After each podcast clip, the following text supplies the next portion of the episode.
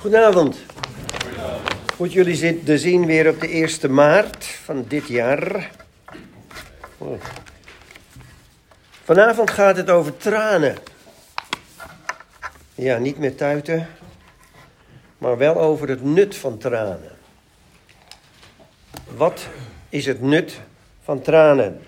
Dat is de eerste van de twee studies van deze avond. En uh, het kan zijn dat in mijn inleiding jullie denken er zitten nog heel veel andere kanten aan, maar die komen ook. Dat je niet denkt van nou, daar ben ik het niet mee eens, want ik wil je alle kanten laten zien daarvan. Maar als je het eerste deel hoort, zou je kunnen denken van uh, is dat wel zo? Of daar zou ik wel eens wat commentaar op willen geven. Dus hou dat even bij je tot naar afloop. Ja? Dat lijkt me het meest handig. Um, we gaan eerst lezen het nut van tranen. En dan gaan we naar Filippenzen. En dan gaan we naar hoofdstuk 3, vanaf vers 17 tot en met vers 21. Lees jullie even voor. Filippenzen 3 vanaf vers 17. Volg mij na, broeders en zusters en kijk naar hen die leven volgens het voorbeeld dat wij u gegeven hebben. Ik heb u al vaak gezegd en ik zeg nu zelfs met tranen in mijn ogen. Oude vertaling zegt al wenende. Velen leven als vijand van het kruis van Christus en gaan hun ondergang tegemoet. Hun God is hun buik, hun eer is schaamteloosheid hun eer is schaamteloosheid en hun aandacht is alleen gericht op aardse zaken. Maar we hebben ons burgerrecht in de hemel. We zijn burgers van het Rijk der Hemelen. En vandaar verwachten wij onze redder, de Heer Jezus Christus. Met de kracht waarmee Hij in staat is alles aan zich te onderwerpen, zal Hij ons armzalig lichaam gelijk maken aan Zijn verheerlijkt lichaam. En dat is waar Paulus hier over spreekt. Het nut van tranen. Ik wil beginnen met een verhaal. En dat gaat als volgt. Er zijn 560 leden in een gemeente, maar 100 daarvan zijn zwak en oud. Daardoor blijven er 460 leden over om het werk te doen. Echter, 74 leden zijn jonge mensen die elders op een universiteit of hogeschool studeren. Dan blijven er 366 86 mensen over om het werk te doen. Daarvan zijn 150 leden vermoeide zakenlieden. Dus blijven er 236 leden over om het werk te doen. Trek daarvan af 150 huisvrouwen met kinderen en je houdt 86 over. 46 daarvan hebben belangrijker dingen te doen, dus blijven er 40 mensen over om het werk te doen. Zo'n 15 daarvan wonen te ver weg om regelmatig de diensten te bezoeken. Er blijven 25 mensen over. En 23 daarvan zeggen dat ze al genoeg gedaan hebben. Dus overblijven u en ik. En ik ben uitgeput. Derhalve wens ik u veel sterkte. Het is een dramatisch verhaal. Eigenlijk is dit wat Paulus wil duidelijk maken. Het lijkt een leuk verhaal, maar het is om te huilen. En het geeft hier en daar ook wel iets weer van de werkelijkheid. En ik denk dat eenzelfde soort verdriet Paulus gevoeld moet hebben, hier in vers 18 van wat we net gelezen hebben, over zijn medegelovigen. Hij zegt: Velen wandelen volgens hem als vijanden van het kruis. En hij schrijft daarover wenende. Of zoals deze vertaling dan zegt, met tranen in mijn ogen. Zijn tranen alleen maar voor sentimentele en voor pijnleiders? Of hebben tranen nog een andere functie? Dat is de vraag die hier gesteld wordt. Ik heb daar uh, wat onderzoek voor jullie naar gedaan. Daarom ben ik hier natuurlijk ook. En de eerste vraag was: waarom huilen mannen minder dan vrouwen? Intussen is wetenschappelijk bewezen dat vrouwen vaker huilen dan mannen. Charles Darwin, de vader van de evolutietheorie, die uitte in 1872 in zijn beroemde boek The Expression of Emotions in Man and Animals, met andere woorden, uh, uitdrukking van emoties in mensen en dieren. Daaruit hij zijn verbazing over het feit dat dieren niet huilen en mensen wel. En hij kon niet bedenken waarom mensen huilen. En meerdere wetenschappers hebben zich later ook over deze vraag gebogen, maar geen daarvan was in staat om het nut van huilen te verklaren. Voor een hulpeloze baby is huilen een effectief overlevingsmiddel om aandacht en zorg van volwassenen te krijgen. Babytranen wekken bovendien tederheid en troost op. Bij volwassenen kan huilen andere signalen afgeven en reacties oproepen. Huilen kan bij een conflict ook een manier zijn om jezelf kwetsbaar te tonen.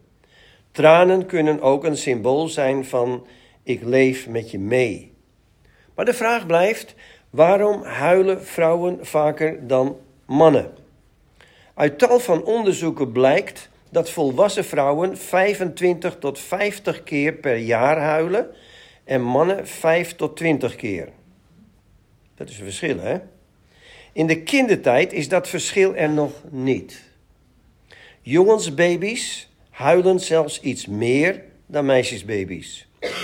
Na hun twaalfde levensjaar beginnen jongens en meisjes zich wat huilgedrag betreft sterk van elkaar te onderscheiden. Nico Vrijda die gaf in het blad opzij, niet dat ik dat blad gelezen heb, ik heb alleen zijn verklaring gelezen. Die gaf een verklaring waar het feit voor het feit dat vrouwen meer huilen dan mannen. En dan schrijft hij: Huilen is volgens mij een machtsmiddel van de zwakken. Als vrouwen huilen. Ja, ik zei al, er komt nog meer, maar. Dat je hier niet aan gaat ergeren, bijvoorbeeld. Hè? Ja, dat wordt ook gelachen. Ja, dat is goed zo. Dank u wel. Ik zal het dan nog een keer zeggen. Hè? Huilen is volgens hem een machtsmiddel van de zwakken. De vrouwen huilen. Als vrouwen huilen, voelen zelfs de sterkste mannen dat ze moeten inbinden. Het is dus niet zo dat mannen niet kunnen of mogen huilen. Ze hoeven gewoon niet. Ze hebben immers de macht al, dus waarom zouden ze huilen? Wat een onderzoek, hè? Jongen, jongen. Toch blijkt dat vrouwen op hoge en machtige posities ook meer huilen dan mannen. Deels ligt dat aan de opvoeding die zegt: echte mannen huilen niet. En dan is de conclusie: echte mannen huilen niet, maar waarschijnlijk schelden, vloeken en slaan ze dan beter. Nou ja, ook dat is een conclusie van dat onderzoek. Een belangrijk punt is, en dat wil ik wel even benoemen Vrouwen gaan emotionele gebeurtenissen niet uit de weg. Mannen doen dat vaak wel. Misschien omdat ze bang zijn om te huilen. Tot slot zijn er, zijn er natuurlijk de hormonale verschijnselen. Ook dat moet je meerekenen in dit verhaal. Nou, dit was even de inleiding en hoe er naar gekeken wordt. Maar wij gaan terug naar de Bijbel. En dat gaan we bij deze dan ook zeker doen. Want teruggaande naar de Bijbel is het goed, en het is een goed teken, als iemand nog in staat is om te huilen. Dat moet je even vasthouden. Het is een goed teken als je nog in staat bent om te huilen. Iemand heeft eens gezegd: als je je liefde geeft aan iemand die geen tranen kent, doe je hetzelfde als je geld geven aan een dief die je geld houdt. Dus dat we huilen kunnen is wel belangrijk voor alle partijen. Je liefde geven aan onaangedane mensen heeft vaak, geeft vaak een onbehagelijk gevoel. Je kunt jezelf de vraag stellen: is iemand zonder tranen nog wel een menselijk wezen. Velen van ons zijn opgegroeid vanuit het standpunt: sterke mensen huilen niet. Je moet flink zijn, altijd weer. Hoeveel verkramptheid en hardheid is echter uit zo'n situatie ontstaan? Tranen zijn juist gegeven om de spanning in je leven en je hart wat op te heffen. Het is toch prachtig dat wat in je hart is een uitweg vindt door middel van je ogen? Waar tranen vloeien, worden harten geopend. En nu gaan we naar de Bijbel. Dit waren zomaar wat opmerkingen, maar toch ook wel belangrijker zitten daartussen.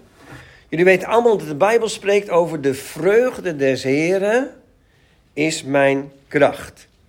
Ik citeer het even uit Nehemia 8, vers 11 vanuit de Statenvertaling. De vreugde des Heren is mijn kracht. Wie heeft er vreugde? De Heer. Kan God ook huilen? Ja.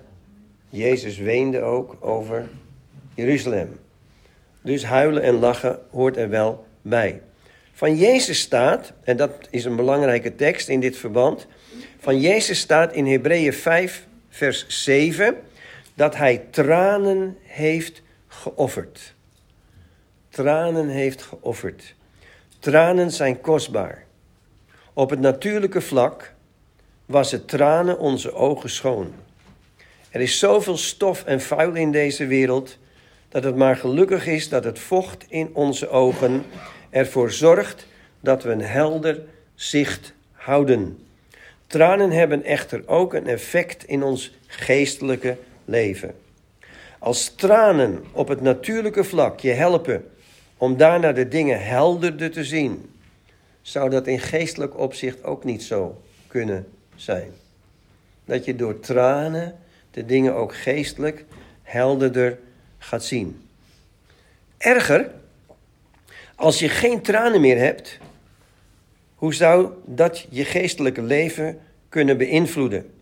Hoeveel mensen zouden er zijn die nooit pijn en verdriet hebben gehad en daarom ook absoluut geen gevoel hebben voor uw problemen, die niet met je kunnen meeleven? Wie tranen kent, kan meevoelen met iemand.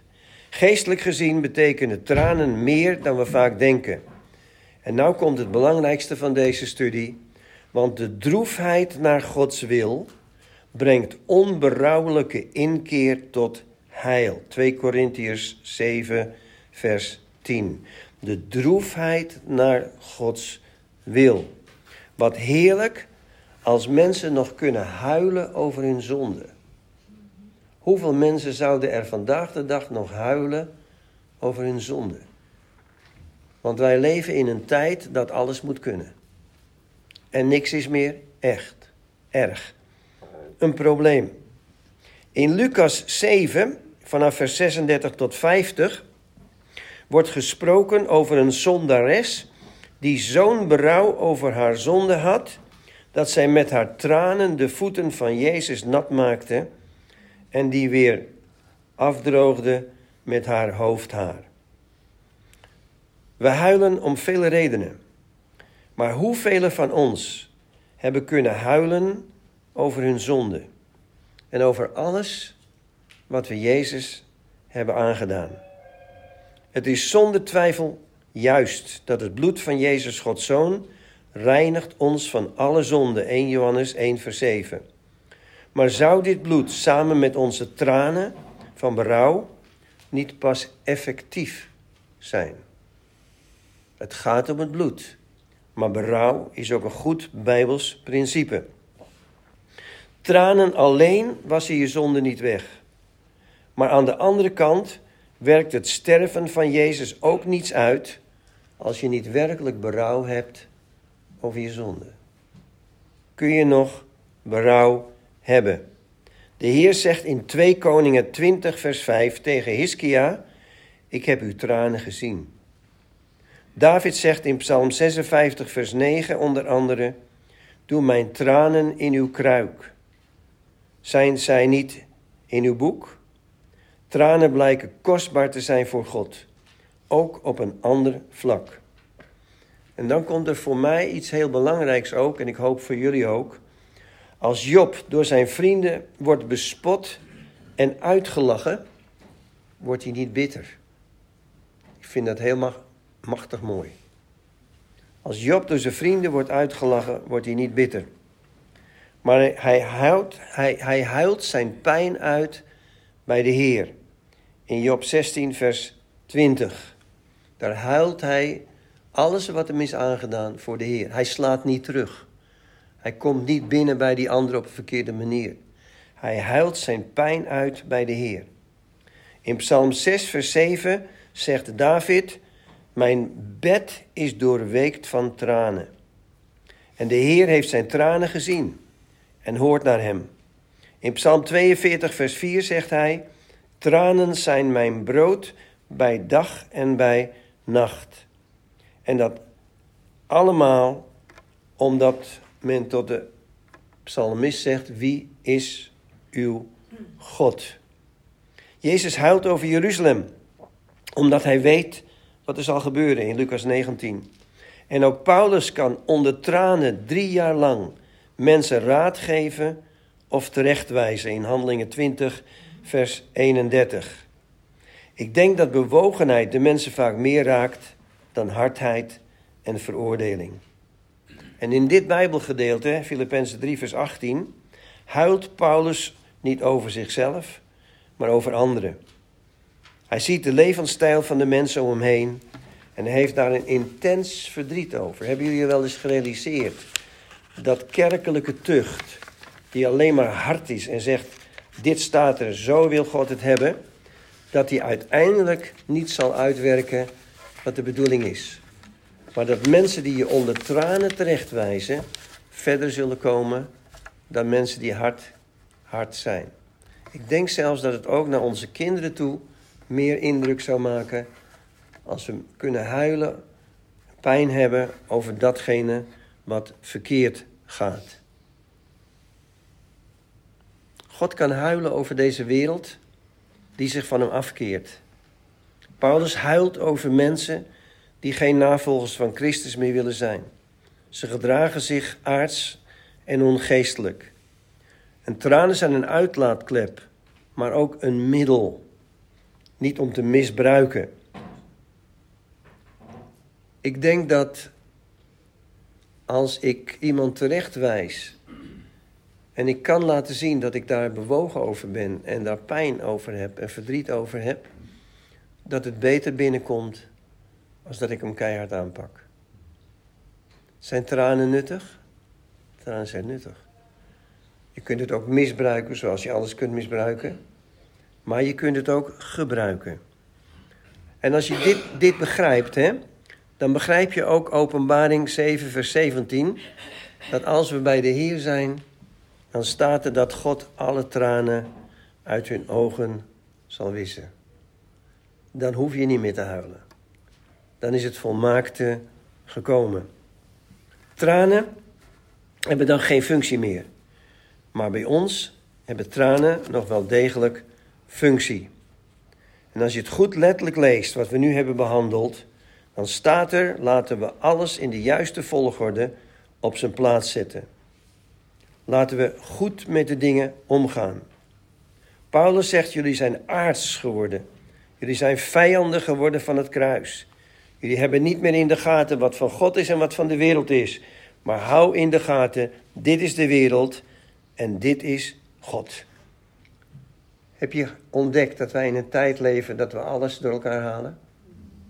We weten niet meer wat van God is en wat van de wereld is. We zijn zo met die wereld meegegroeid dat we niet oppassen. Dat we geen idee meer hebben hoe God over de dingen denkt. En daarom zullen we steeds weer moeten terugkeren tot het woord. En wat zou het nog fijn zijn dat mensen nog kunnen huilen over hun zonde, over hun fouten. Verdriet kunnen hebben. Weet je nog hoe het zo mooi staat in de bergreden? Zalig zijn de treurende. En dat gaat niet over een begrafenis. Dat gaat over het feit dat je nog kunt treuren over je zonde. Want alle zaligsprekingen zijn geënt op het leven van David. Zalig zijn de armen van. Nou, dat gaat niet over mensen die geestelijk problemen hebben. Maar het gaat over mensen die arm willen zijn aan eigen inzichten en vol willen zijn van de inzichten van God. Het zalig als je niet steunt op je eigen inzichten, maar op de inzichten van God. Niet over je eigen geest altijd alleen maar bezig bent, maar veel meer ruimte geeft aan de geest van God. Tranen zijn nuttig. En dat is wat de Bijbel hier duidelijk heeft uitgelegd. Dat is dit deel. Maar een mooi vervolg erop is. Wees niet bezorgd. Dat scheelt een hoop tranen. En dat is het vervolg wat we met elkaar nu gaan lezen. En dat staat in Filippenzen 4, uiteraard. In Filippenzen 4 gaan we lezen vanaf vers 1. Daarom, dierbare broeders en zusters die ik lief heb en naar wie ik verlang, die mijn vreugde en erekrant zijn, blijf standvastig in de Heer. Euodia en Sintich, ik dring er bij u op aan eensgezind te zijn in de Heer. En u, trouwe vriend, vraag ik hen te helpen. Ze hebben samen met mij voor het evangelie gestreden, evenals Clemens en mijn overige medewerkers, van wie de namen in het boek van het leven staan. Laat de Heer uw vreugde blijven. Ik zeg u nogmaals, wees altijd verheugd. Laat iedereen u kennen als vriendelijke mensen. De Heer is nabij. En dan komt het, wees over niets bezorgd. Maar vraag in alle omstandigheden aan God wat u nodig hebt. Bidden. En dank Hem in uw gebeden. Danken. Dan zal de vrede van God, die alle verstand te boven gaat, uw hart en gedachten in Christus Jezus bewaren. Ten slotte, broeders en zusters, laat u leiden door al wat waar is. Al wat edel, rechtvaardig, zuiver, beminnelijk en eervol is. Kortom, door al wat deugdzaam is en lof verdient. Doe alles wat ik u heb geleerd en overgedragen. Wat ik heb verteld en laten zien. Dan zal de God van de vrede met u zijn. Nou, dat is wat hij eventjes hier vertelt in dit hoofdstuk begint eigenlijk met een waarschuwing. En daar moeten we even goed op letten. Het gaat daarbij niet zozeer om de leer, als wel om twee vrouwen die kennelijk veel werk hebben verzet in de gemeente en die nu problemen hadden met elkaar. Dus je moet je even voorstellen, dit begint met een botsing tussen twee persoonlijkheden. Dat is lastig. Je hebt twee mensen die veel gedaan hebben in de gemeente en die botsen met elkaar. En dan volgens vers 3 hadden zij met Paulus gestreden in het evangelie, waren ze dus goed bezig geweest. En ze waren belangrijk genoeg om in, in vers 2 met name te noemen ook, Euodia en Sintice. Uit alles blijkt dat je in Jezus kunt geloven, hard kunt werken in zijn dienst en toch in een verstoorde relatie kunt komen met anderen die met dezelfde dingen bezig zijn. Er is echter geen excuus om zich niet weer met elkaar te verzoenen. En Paulus vraagt zijn trouwe metgezel daarbij een bemiddelende rol te spelen. En in vers 4 komt hij dan met: Wees altijd verheugd. Maar blijdschap, zoals we hebben geleerd, moet zijn basis hebben. En weet je nog wat de basis was? In Hem hebben we vreugde. Als we in Hem zijn, hebben we overwinning. Dus de uitgangspunt was van deze hele serie studies altijd: onze positie is in Hem. En dan kom je bij dat onmogelijke vers, dat vind ik nog steeds, vers 6. Wees in niets bezorgd. Heb je dat wel eens geprobeerd? En net als je het ene hebt overwonnen, begint het andere weer. Ik gebruik die tekst ook nooit om iemand toe te zenden. Want ik kan hem zelf niet hanteren. In niets bezorgd. Het lijkt me zo lastig. Maar bezorgd zijn, en dat moet je wel even realiseren, zou ook kunnen vertaald worden met getrokken worden in verschillende richtingen. Nou, lost daar niet zoveel op hoor. Want je hoopt en je bent bezorgd. Dus de hoop trekt je wat de ene kant op en je vrees dat het fout gaat, trek je dan de andere kant op. En dan ben je weer bezorgd. Eigenlijk is bezorgd zijn negatief geloven. Dus al door rekening houden met een verkeerde afloop. Dus niet rekenen op God die ingrijpt, maar altijd ervan uitgaan, het kon wel eens verkeerd aflopen. Dat is in wezen bezorgd zijn. Een verkeerde manier van denken. Altijd gericht op het zal wel niet goed gaan. En daarom is bezorgdheid ook de grootste dief van onze vreugde. Het helpt bijvoorbeeld ook niets om tegen een bezorgd iemand te zeggen, tegen een hij of een zij of een het, wees niet bezorgd. De enige remedie tegen zorg vind je in vers 7. En in vers 7, daar staat, dan zal de vrede van God, die alle verstand te boven gaat, uw hart en gedachten in Christus Jezus bewaren. Dus wat heb je als middel tegen zorg? Vrede. Hoe kom je aan vrede? Door op Jezus gericht te zijn. Hoe was het ook alweer? Je moest in elk huis waar je binnenkwam vroeger zeggen: Vrede zij dit huis. Vrede zij u. En dan niet vrede als er is geen oorlog, maar vrede als shalom. Dus vrede in je denken, vrede in je hart, vrede in je hele wezen, vrede in alle opzichten. Dat was het.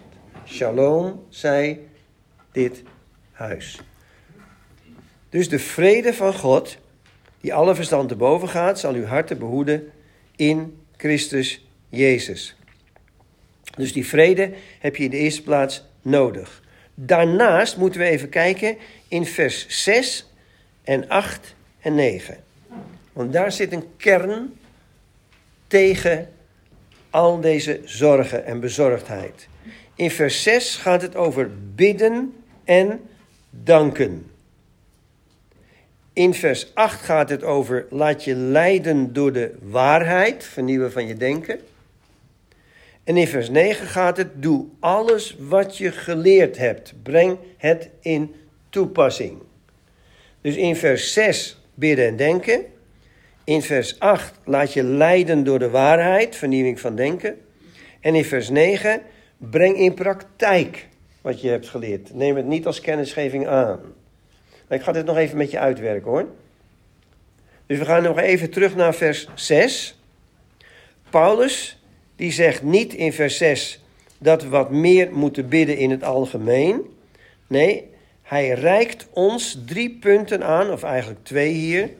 Gebed en dankzegging. Smeking staat er nog bij in een oudere vertaling.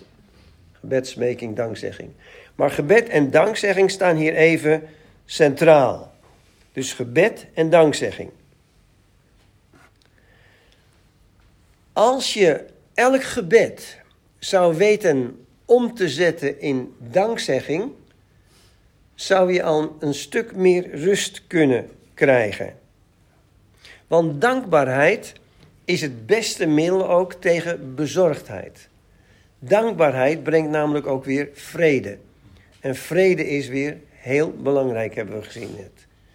Dus dankbaarheid is een geweldig wapen tegen bezorgdheid.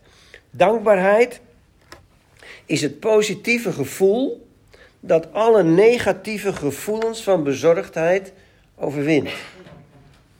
Dankbaarheid.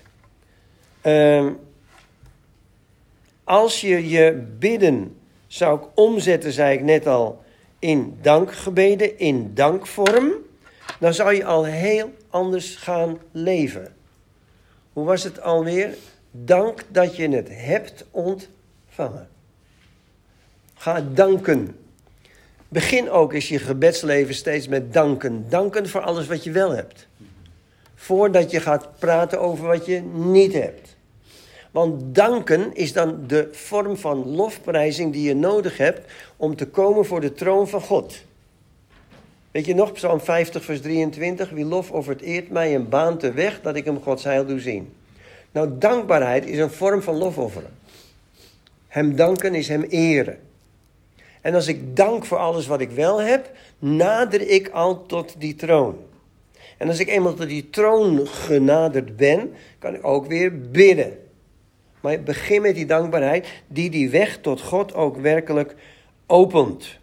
Een dankbaar mens houdt zich voornamelijk bezig met hetgeen God al heeft gegeven. En gaat ervan uit dat hij nog veel meer wil schenken boven bidden en boven denken. Ja? Goed, ik zeg het ook tegen mezelf, dat het niet meevalt. Maar het is niet zo moeilijk om te beginnen met te danken. Zeker wij hier in Nederland. Om te bedanken, hem te danken voor alles wat je nog wel hebt. Dan is er nog een belangrijk punt. Danken is je bezighouden met Gods mogelijkheden en niet met jouw mogelijkheden. Mijn mogelijkheden, jouw mogelijkheden zijn beperkt. Maar danken is erop gericht dat je je bezighoudt met Gods mogelijkheden. Bij Hem is alles mogelijk. En als je zo bezig bent, dan ga je ook ontdekken dat als je dat zo doet, dat de vrede van God, die alle verstand te boven gaat, ook bij je binnenkomt. Oké. Eigenlijk is de stelling: wees niet bezorgd over alles, maar bid over alles. En bidden en geloven zijn in onze optiek vaak nog te veel zaken om iets te verkrijgen. Ja, moet ik eens even uitleggen. Heb je ook altijd het idee dat je heel vaak bezig bent in je gebedsleven om iets te verkrijgen? Je zult antwoorden, daarvoor bid ik toch? Om te krijgen. Want ik ging wel danken als ik het had, dus ik bid om het te krijgen. Maar moet je altijd bidden om iets te krijgen? Laat, laat me proberen hier even een voorbeeld bij te geven.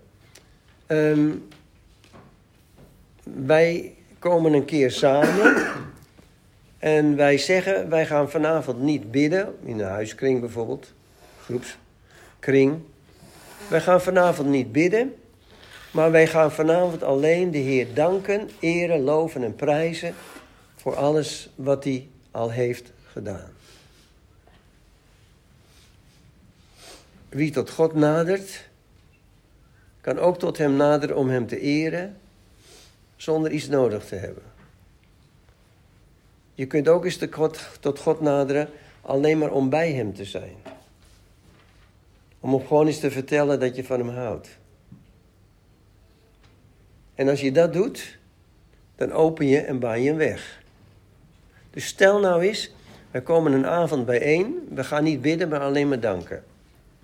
En we gaan hem vertellen dat we zo dankbaar zijn en we gaan hem eren voor alles wat hij al heeft gedaan. En we vragen helemaal niks. We zeggen, Heer, we willen gewoon deze avond eens bij u zijn. Bij de Vader op schoot. Gewoon bij u zijn.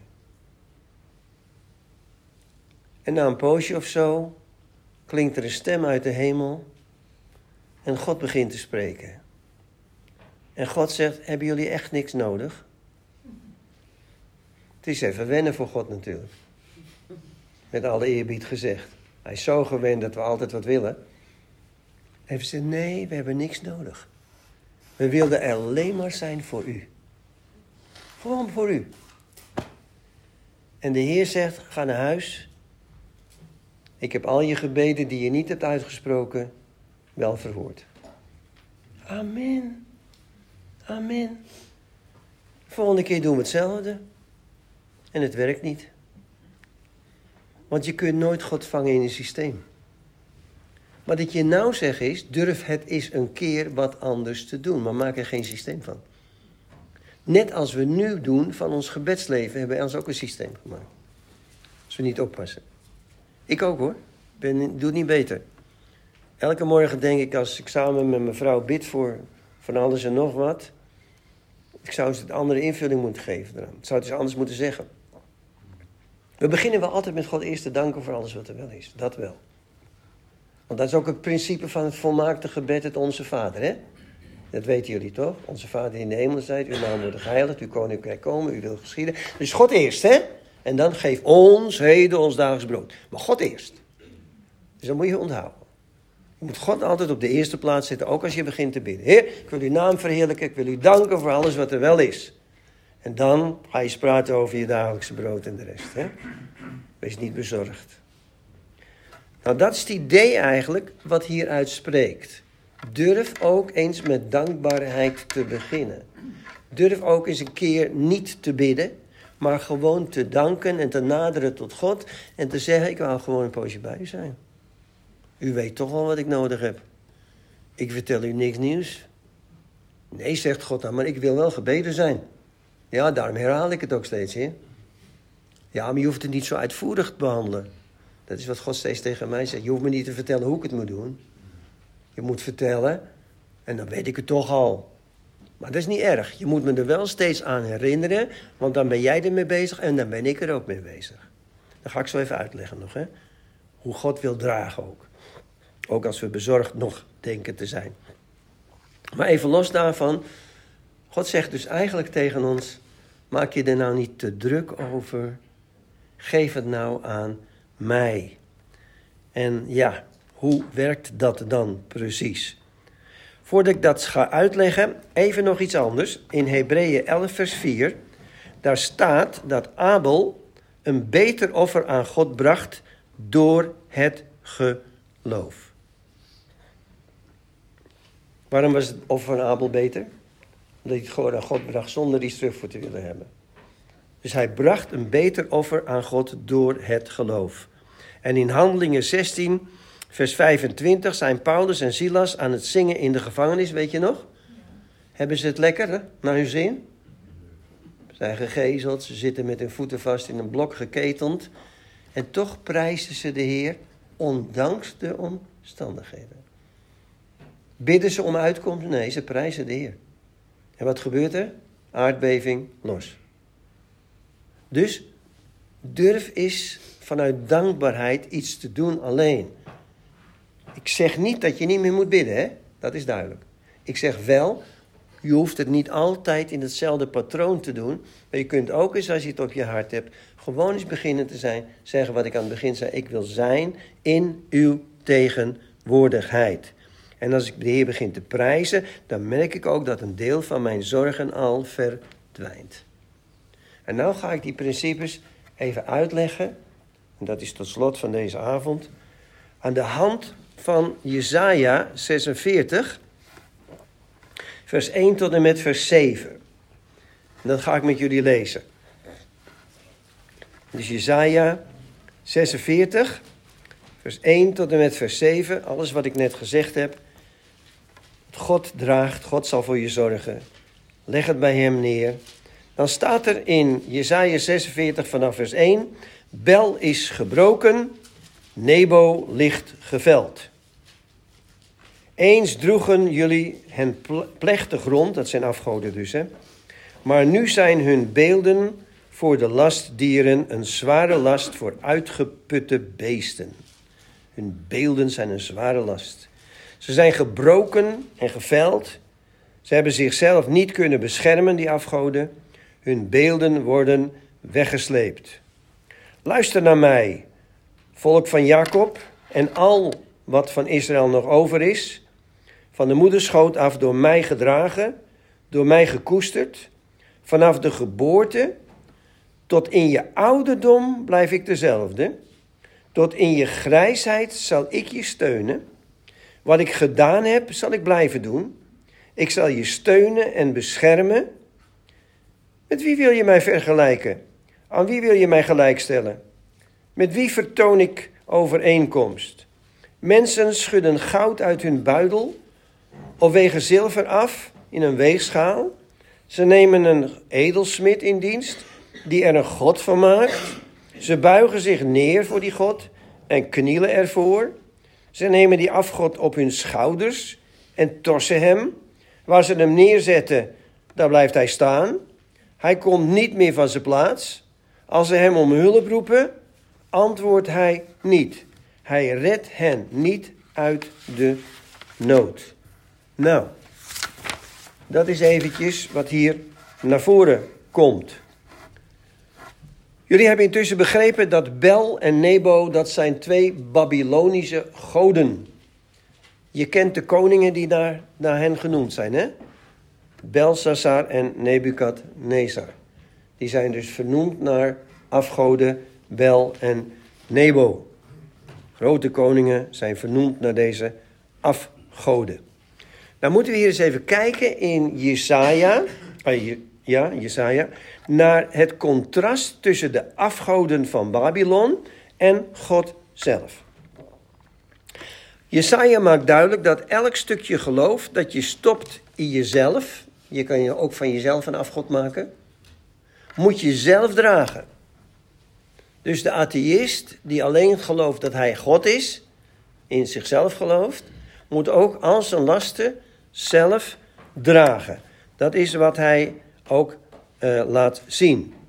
Dan doet Jezaja nog iets. Hij maakt die afgoden enigszins belachelijk. In vers 7, ze nemen hun afgod op hun schouders en torsen hem. Waar ze hem neerzetten, daar blijft hij staan. Dus Jesaja zegt, denk erom, zodra je iets of iemand maakt tot een afgod, moet je hem zelf dragen. Die last. Dus als je je vrouw maakt tot een afgod, of je man tot een afgod, of je huis, of je dier, of wat dan ook, moet je zelf dragen. Dus alles wat je maakt tot een ijdel, een idool, moet je zelf dragen. In vers 4, om even terug te keren, zegt God: Tot in je ouderdom blijf ik dezelfde. Tot in je grijsheid zal ik je steunen. Ik zal je dragen. Wat ik gedaan heb, zal ik blijven doen. Ik zal je steunen, dragen en beschermen. Dus wat biedt God aan? Om je te dragen. Ja. Is leuk, hè? Ik, eh, als, als het een beetje goed is, denk je nou, nou, Kees. De Bijbel zegt, draagt elkanders lasten. Ik ken de Bijbel. Galaten 6, vers 2, draagt elkaars lasten. Dat moeten we toch doen, dus we moeten wel wat dragen. Nou is het prettige dat in de NBG waar ik mee ben opgegroeid, staat het anders. Daar staat verdraagt elkaars moeilijkheden. Dat is een stuk prettiger. Vind je ook niet? Dus je kan kiezen welke vertaling je kiest. Hè? Draagt elkaars lasten of kies je voor verdraagt elkaars moeilijkheden. Dat zijn allebei bijbelteksten. Dan zit er één probleem. Er zit nog steeds het woordje dragen in. Als je goed oplet. De ene zegt draagt elkaars lasten. De ander zegt verdraagt elkaars moeilijkheden. Dus het is dragen of verdragen. Hoe ver moet je dragen? Ja. Zo kun je het ook zeggen natuurlijk. Hè? Ik moet wel veel dragen. Maar hoe ver? Nou, dat is een beetje het principe waar we achter moeten komen. Want moeten we überhaupt wel dragen? Laten we eerst eens kijken waar dat vandaan komt, die gedachte. Wij kennen heel veel mensen, misschien zijn jullie daar ook wel onder, die hun lasten zelf dragen.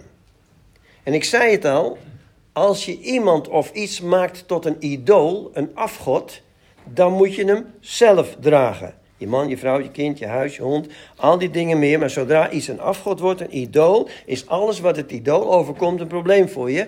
En dan ga je eronder gebukt. En het bewijs dat wij ook in onze christelijke kring nog vastzitten aan een soort afgodisch denken, vinden we ook in uitspraken zoals: Heer, help mij de last te dragen van mijn zieke man of zieke vrouw. Nou, waar staat ergens dat God je helpt dragen? Ben je ook opgegroeid met die zin, niet klagen maar dragen? Nou, dat staat nergens. Want God zegt, ik draag. Wat zegt Jezus? Werp al je lasten, bekommernissen op mij. Maar wij hebben altijd iets in ons van, we moeten ook wat doen. Dus hier ja, er staat toch, draag elkaars lasten. Ja, maar er staat niet, draag je eigen lasten.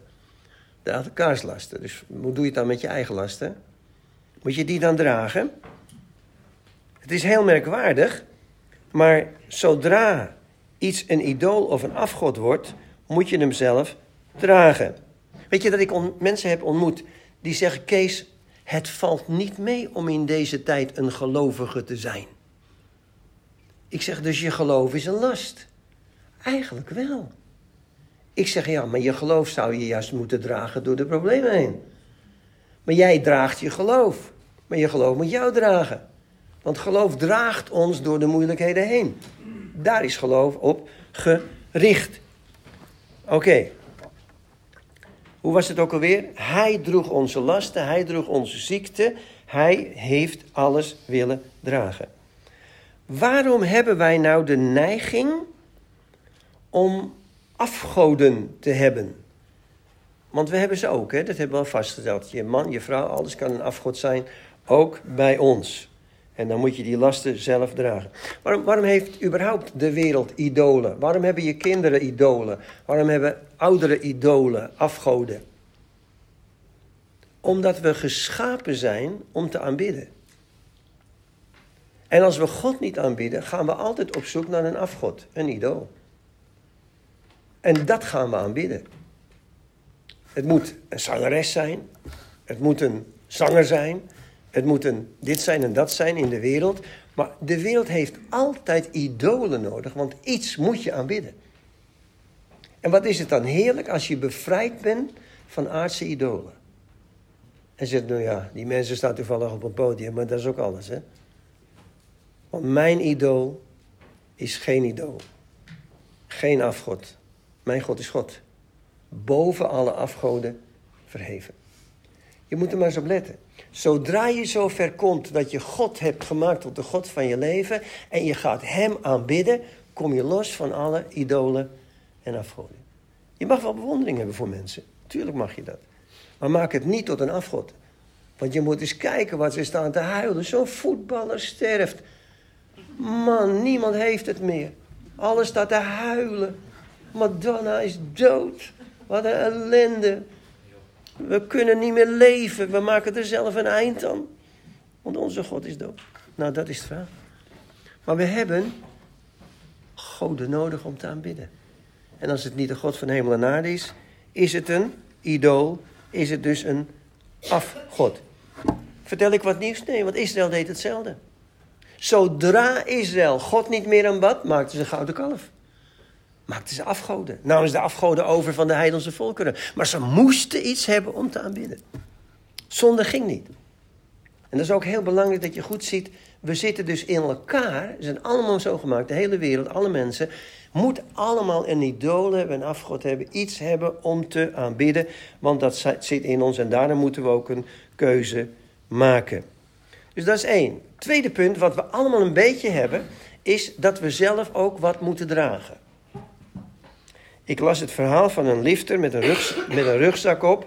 En die staat langs de kant van de weg te liften. Die wordt eindelijk door een automobilist meegenomen. En hij gaat uh, daar zitten in de auto met zijn rugzak nog om. En de, de, de chauffeur zegt: Je mag die rugzak wat, uh, wel, wel afdoen hoor. Hoef je niet om te houden. Nee, zegt hij, meneer, ik ben al blij dat u mij meeneemt. En mij draagt, uh, die rugzak draag ik zelf wel. Nou, dat is toch een knullig verhaal, zeg maar zelf. U zou het niet doen en ik ook niet. Maar toch, hè, dat idee van, ik moet ook wat dragen. En dan zegt Jesaja, moet je nou eens kijken naar zo'n idool, naar zo'n afgod. Hij staat daar maar te staren. Hij komt niet van zijn plaats. Als je wil dat hij zich verplaatst, moet je hem zelf dragen. En dan kun je hem op een andere plaats neerzetten. En je kunt hem aanbidden tot je in ons weegt, maar hij antwoordt niet. Hij geeft geen antwoord. Maar mijn God, zal je torsen en dragen tot in grijsheid, tot in der eeuwigheid. Wil hij je dragen. Blijft nog over voor deze avond. Verdragen, dragen. Hoe ver moet je dan iemand dragen? Want je moet toch wel wat dragen hoor. Komt er niet helemaal onderuit. Ken je dat verhaal uit Marcus 2? Vier vrienden droegen hun zieke vriend hoe ver? Tot Jezus. Ja. En toen Jezus hen zag, nam hij het over. Moet je elke dag de mensen waar je bij bepaald wordt dragen? Ja, hoe ver? Tot Jezus. En dan geloven dat Hij het overneemt. Moet ik ervoor blijven bidden? Ja. Dat is je last, je gebedslast. Maar je moet er niet onder gebukt gaan. De last is, ik breng het bij Hem en Hij neemt het over. En daarom hoef ik in geen ding bezorgd te zijn, want als ik al mijn zorgen op Hem leg, neemt Hij het over. Ben ik dan een Jantje onbekommerd en een onbezorgd type? Nee, ik moet zorgzaam zijn en ik moet zorgen voor, maar niet bezorgd. Want als ik bezorgd ben, hou ik al, al door rekening met het kan fout gaan. En ik moet er rekening mee houden dat het altijd goed komt. Wat er ook gebeurt. Want daarop is mijn geloof geënt. Daarop blijf ik zien. De verloren zoon gaat er vandoor. Hij weet wat het is in zijn vaders huis. Hij komt terecht in de troep. Hij kan zijn lasten zelf niet dragen. En wat doet hij dus? Hij keert terug naar zijn vader. Want alleen lukt het niet. Maar zijn vader is bereid om hem weer terug te nemen. En hij staat al klaar om hem te helpen. Dat wekt een beetje de indruk van, als je aandacht wil, moet je af en toe eens weglopen. Vind ik. Want die oudste zoon was altijd trouw. Is je dat was opgevallen? Die was altijd bij zijn vader. Hij deed alleen een beetje zaggerijnig toen zijn broer thuis kwam. Dat was vervelend. Maar hij was er altijd. En is het je wel eens opgevallen tegen wie de vader zegt: Al het mijn is het jouwe? Tegen de oudste zoon. Niet tegen de jongste. Die heeft zijn erfdeel dan voor een ender heen gebracht. Maar je mag wel terugkomen. Altijd weer. Loont het om steeds weg te lopen bij de Heer? Nee. Moet je steeds weer opnieuw beginnen. Maar bij de Heer blijven loont. Want al het zijne is het jouwe. En je mag er altijd gebruik van maken.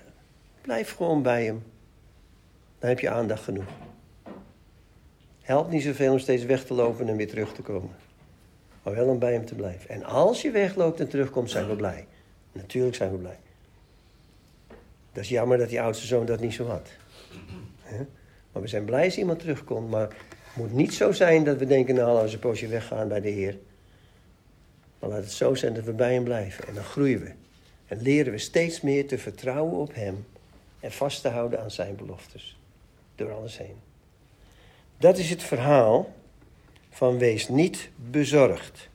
Maar leg het op de Heer en hij zal voor jou zorgen. Amen.